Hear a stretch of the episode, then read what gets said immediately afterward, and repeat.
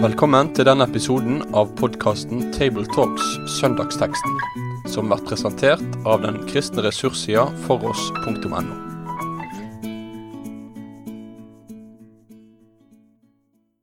Hjertelig velkommen til en uh, ny episode av uh, Tabletalks, der vi samtaler om uh, søndagens prekentekst. Nå I dag så skal vi samtale om det som er teksten for såmannssøndag. Det er 9. februar 2020. Og Vi skal lese sammen og snakke om teksten fra Lukas kapittel 8, vers 4-15, den som er kjent som såmannslignelsen. Fra gammelt av så er såmannssøndag eh, den 60. dagen før påske i kirkeåret. Eh, og har navnet sitt ifra nettopp denne lignelsen som vi skal se på i dag. Eh, vi befinner oss i kirkeåret fremdeles i det som heter åpenbaringstida. Det er altså da tida mellom jul og faste. Og det er jo en tid hvor vi fokuserer på Guds åpenbaring. Fram til nå så har eh, i tekstene som er blitt lest, har har vekta særlig ligget på Kristus som en åpenbaring av Gud. Mens i dag så dreies litt fokus, og vi ser på Bibelen som, eh, som en åpenbaring. Og nødvendigheten av at Bibelen og dens budskap må nå lenger ut og inn i, inn i hjertene. Dette er en dag som ofte òg i kirkene markeres med at en har offer til Bibelselskapet, og fokus på oversettelse og utbredelse av Bibelen. Så med meg til samtalen i dag så har jeg Lars Olav Sikkeland Morsdal. Og Sverre Bø. Og så er det meg, Knut Kåre Kirkholm. Nå skal Sverre få lese teksten fra Lukas 8. Vi leser ifra vers 4 til 15. Mye folk strømmet nå til fra byene omkring. Da en stor mengde hadde samlet seg om han, fortalte han en lignelse. En såmann gikk ut for å så kornet sitt og da han sådde, falt noe ved veien. Det ble tråkket ned, og fuglene under himmelen kom og spiste det opp.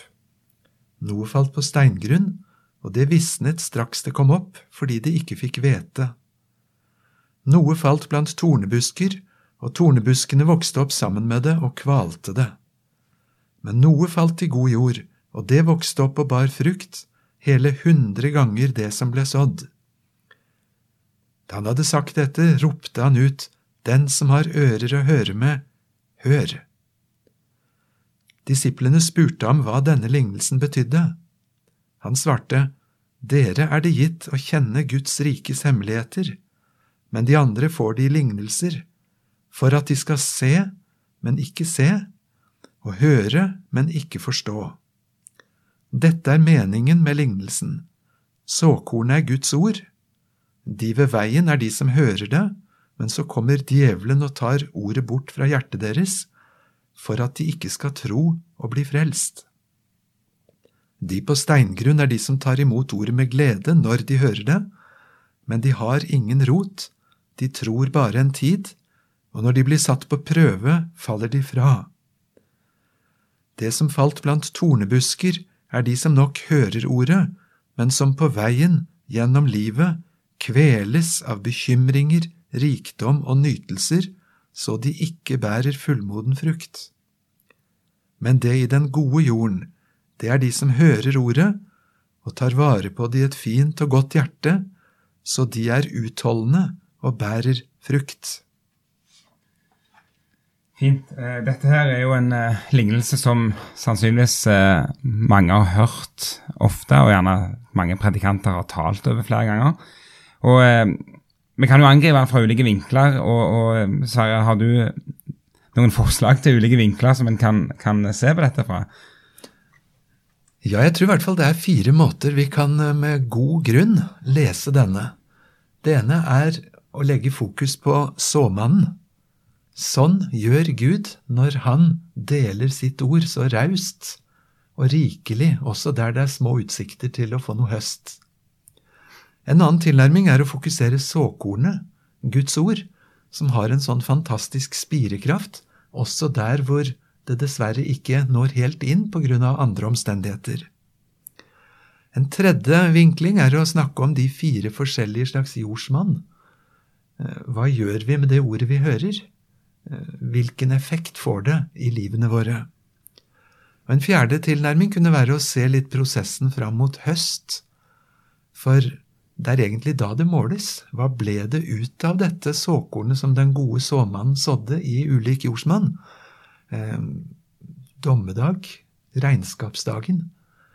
Jeg syns vel alle fire måtene egentlig har god bibelsk dekning, men det blir i grunn fire helt forskjellige bibeltimer i, Mm. i mitt hode. Er det sånn å tenke at eh, at alle disse har eh, De kan forstås på alle måter, og at Jesus mente egentlig alt med det, eller er det en tolkning som har sånn eh, førstekjørselsrett, da? Forkjørsrett. Det har jeg jo lurt på. Jeg er ikke helt sikker på svaret. Eh, I Matteusevangeliet så står det at Jesus kalte dette for lignelsen om såmannen. Mm. Så det hjelper oss i retning av å sette fokus på han som gjør slik med sitt ord. Mm.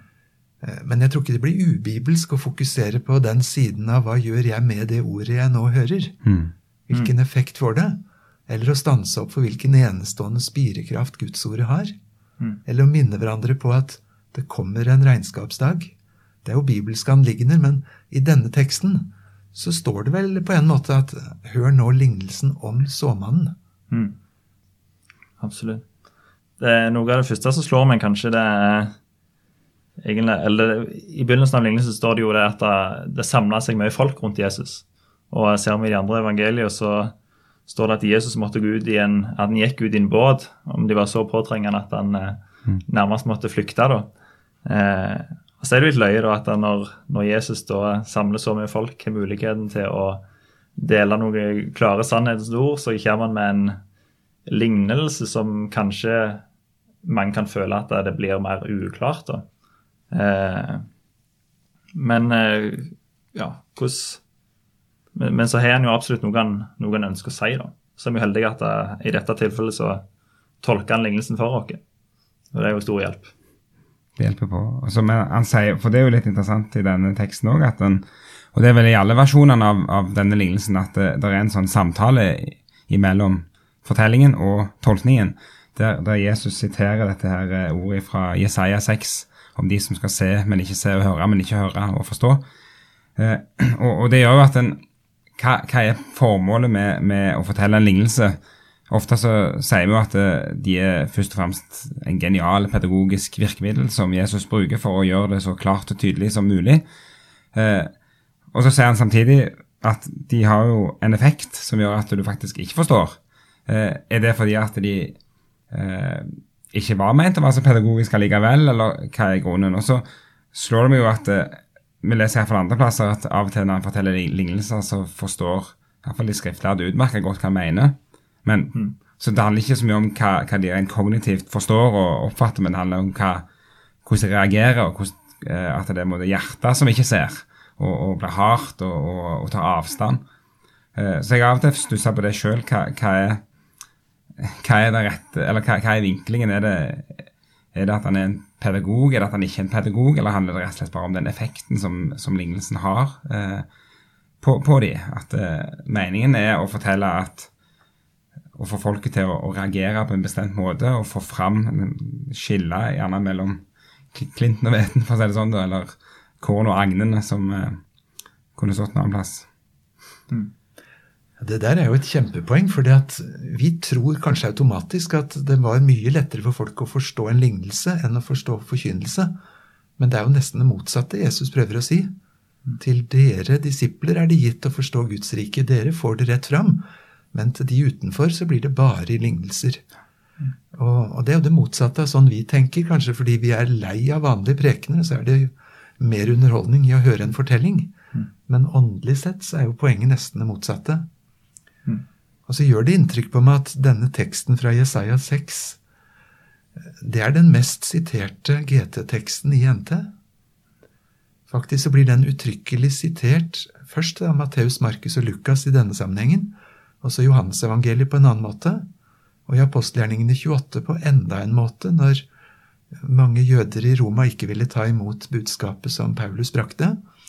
Og så for sjette gang blir det sitert i romerbrevet 9-11.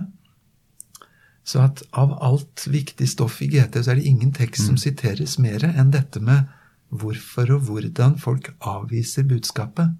Det er tankevekkende, for jeg syns jo ikke det er det mest hyggelige og oppbyggelige GT-sitat jeg kunne komme på. Nei, på ingen måte. Men eh, tenker en da at det er Sier Jesus disse litt kassordet fra GT eh, litt for å vekke folk?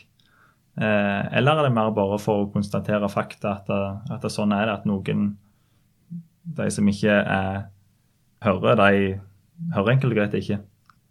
Eller, eller har det en sånn mer omvendt psykologi-faktor, da, at når de, når de faktisk hører at de, at de nesten ikke er i stand til å høre, da, da åpner ørene. Det føler jeg iallfall skjer, skjer hos meg, da. Og kanskje òg domsord i, i GT. Eh, så sier jo at Gud ok, dere, dere, kommer til å bli dømt, men så ser han at eh, når han da hører at en, det er en dom som kommer, så blir han vekt opp. da. Om det har en lignende funksjon, eller er det på Det syns jeg høres veldig klokt ut, fordi gjennom kirkehistorien så er det mange som har lest denne teksten mest som spekulasjon om utvelgelse. Hvorfor er noen mennesker og mennesketyper slik og ikke sånn? Og så blir det ikke til alvoret tar tak i oss, men det blir mer sånn til å rubrisere hverandre, og kanskje helst de andre. Og det kan jo ikke være Jesu mening. Jeg tror du er på et mye klokere spor hvis vi henter det fra profetene i GT. Nå må du tenke over det.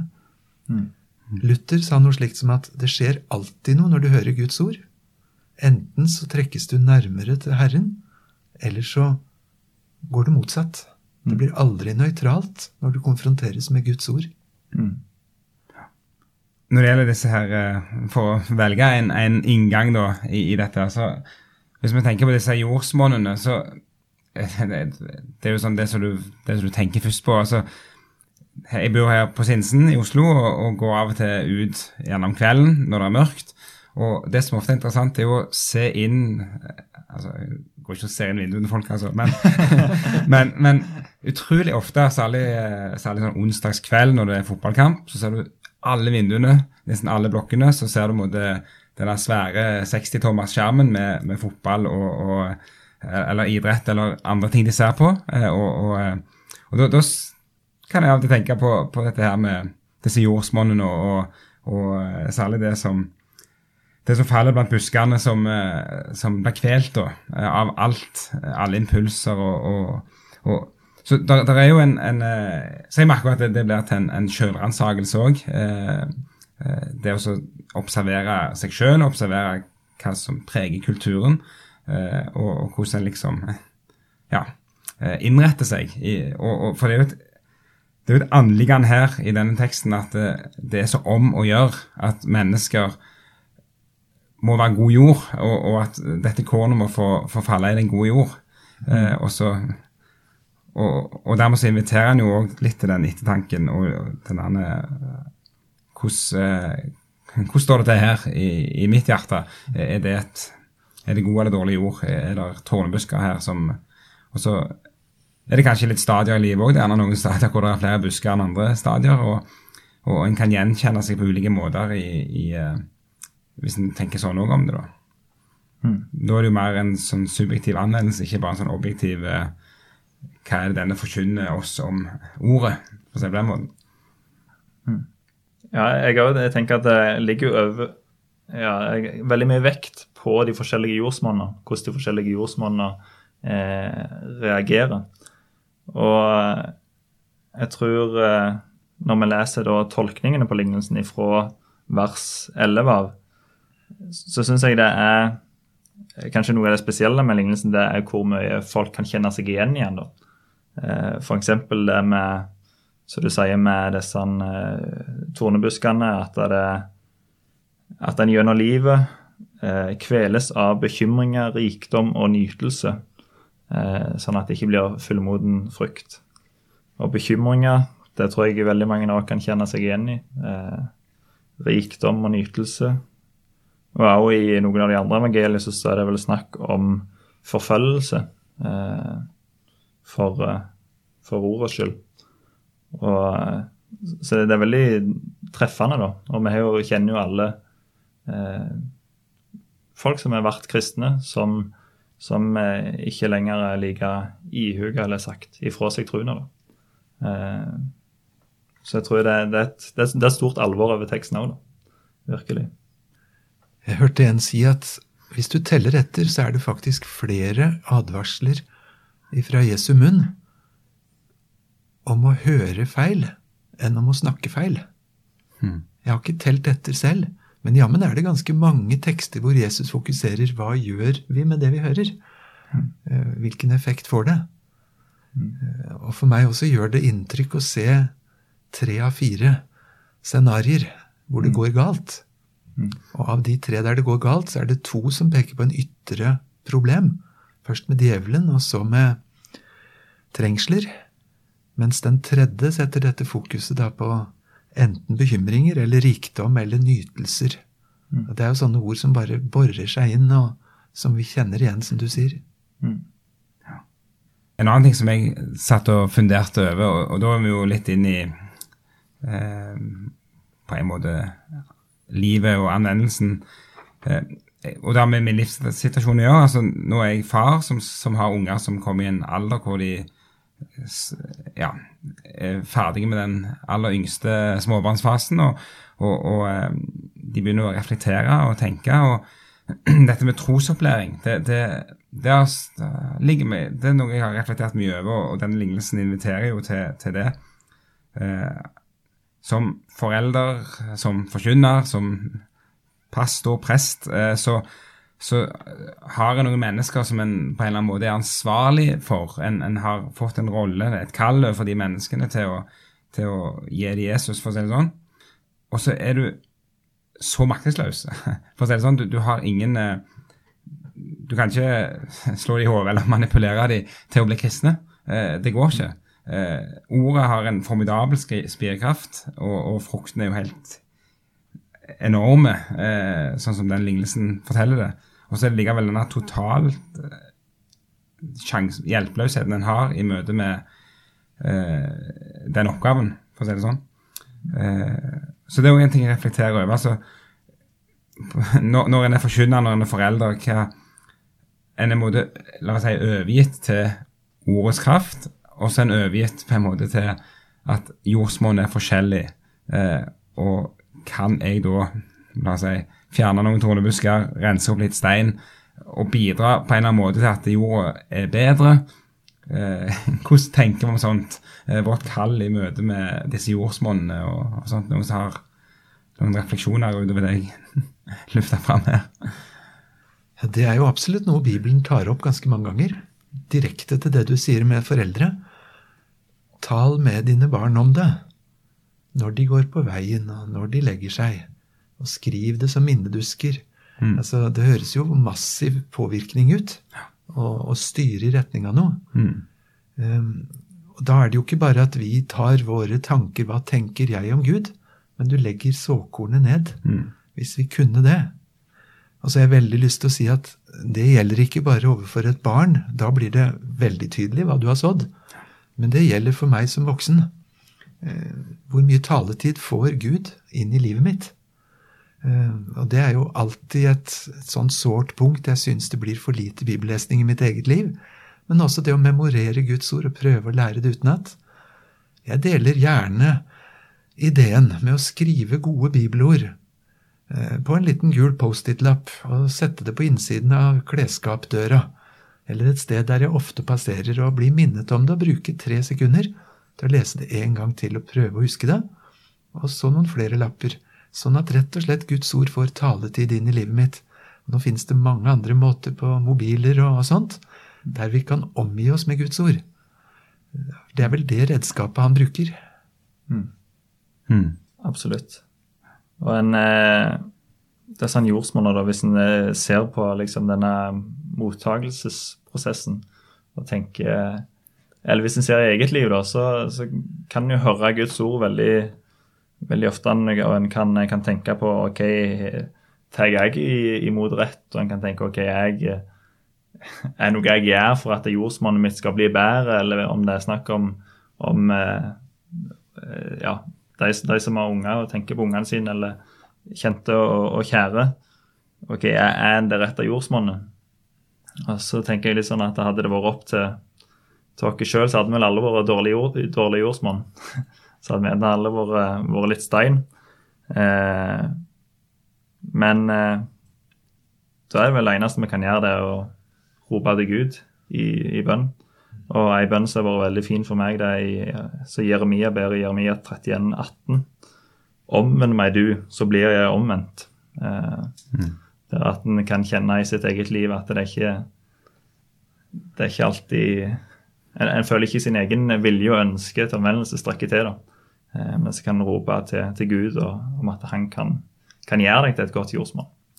Eh, at han kan virke i Gjøre noe med hjertet ditt så det tar imot eller såkornet eller ordet på en, på en, god måte, sånn at det bærer frukt. Og sånn at den blir utholdende, så det står i teksten. Mm. Jeg husker da vi fikk uh, vårt første barn, så fikk jeg et godt råd fra en god svoger. To gode råd. Han sa husk å be til Gud for husandakten. Det var et nytt perspektiv. Altså be til Gud før du sier 'nå skal vi lese og be'. Og det andre Han sa husk at du har ikke husandakt for at nå skal ungene bli oppdratt til tro. Nå skal vi ha husandakt for at jeg som er far, og du som er mor, og barna som er der, skal få høre Guds ord. Vi trenger det like mye. Det er ikke jeg som skal belære de andre, men det er jeg som skal bli belært av Gud. Det tror jeg var to perspektiver på andagslivet som var nye for meg, og som jeg har siden blitt veldig glad i. Mm.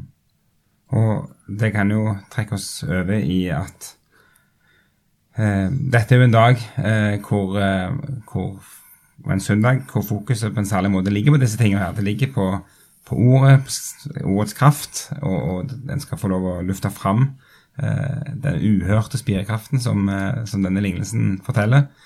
Um, har ikke, jeg har ikke lest, uh, lest meg opp på, på landbruksstatistikk og alt sånt, men, men uavhengig av hvor bra spirekraft eh, korn har i dag, med, som er genmanipulert og kunstgjødsla, så kan vi iallfall slå fast at det, det, som Jesus skisserer her, det er så uhørt og så, så hinsides enhver forestilling av eh, spirekraft som en kan tenke seg. da. Eh, så det kan vi òg få ta til oss, at, eh, at, når dette ordet har en, en enorm kraft i seg, og kan og, eh, og, og gjør et under som, som er jo helt umulig eh, i utgangspunktet. At et menneske kan bli frelst, eh, rett og slett. Og gå fra mørke til lys og fra død til liv pga. dette ordet. Eh, og så er det jo en, en, Derfor er det jo viktig en sånn dag å, å kunne lufte fram dette her. Eh, og, og eh, minne forsamlingen om noen av de tingene vi har reflektert rundt nå, knytta til både den selvransakelsen, eh, nødvendigheten av at Guds ord får lyde inn i mitt liv, og inn i den, det kallet, den familien, den rollen jeg står i og er satt i. At, eh, at, vi har det med oss.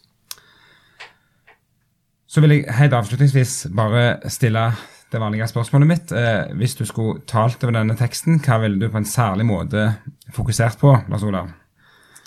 Ja, jeg tror eh, det jeg stoppet ekstra opp med, det er Jesus sine ord etter han har talt lignelsen. Og før han kommer med forklaringen, så roper han til folkemengden.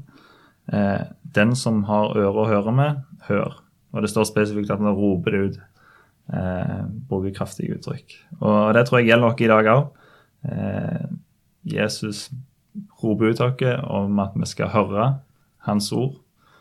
Eh, og når vi da går til, går til kirka eh, på, på, søndag, eller når, på andre møter der vi hører Guds ord, så er det veldig lett at vi, det blir ren rutine. Vi, vi går der for å møte bekjente og ha det kjekt i lag som, som kristne. Og vi hører visord fra taleren og noen fine refleksjoner. Eh, men så er det ikke alltid at ordet får, får virke, og det er ikke alltid vi har forventning til å høre Guds ord. Og det er heller ikke alltid at taleren taler med den troen at det faktisk er virkekraft i, i Guds ord. Nå.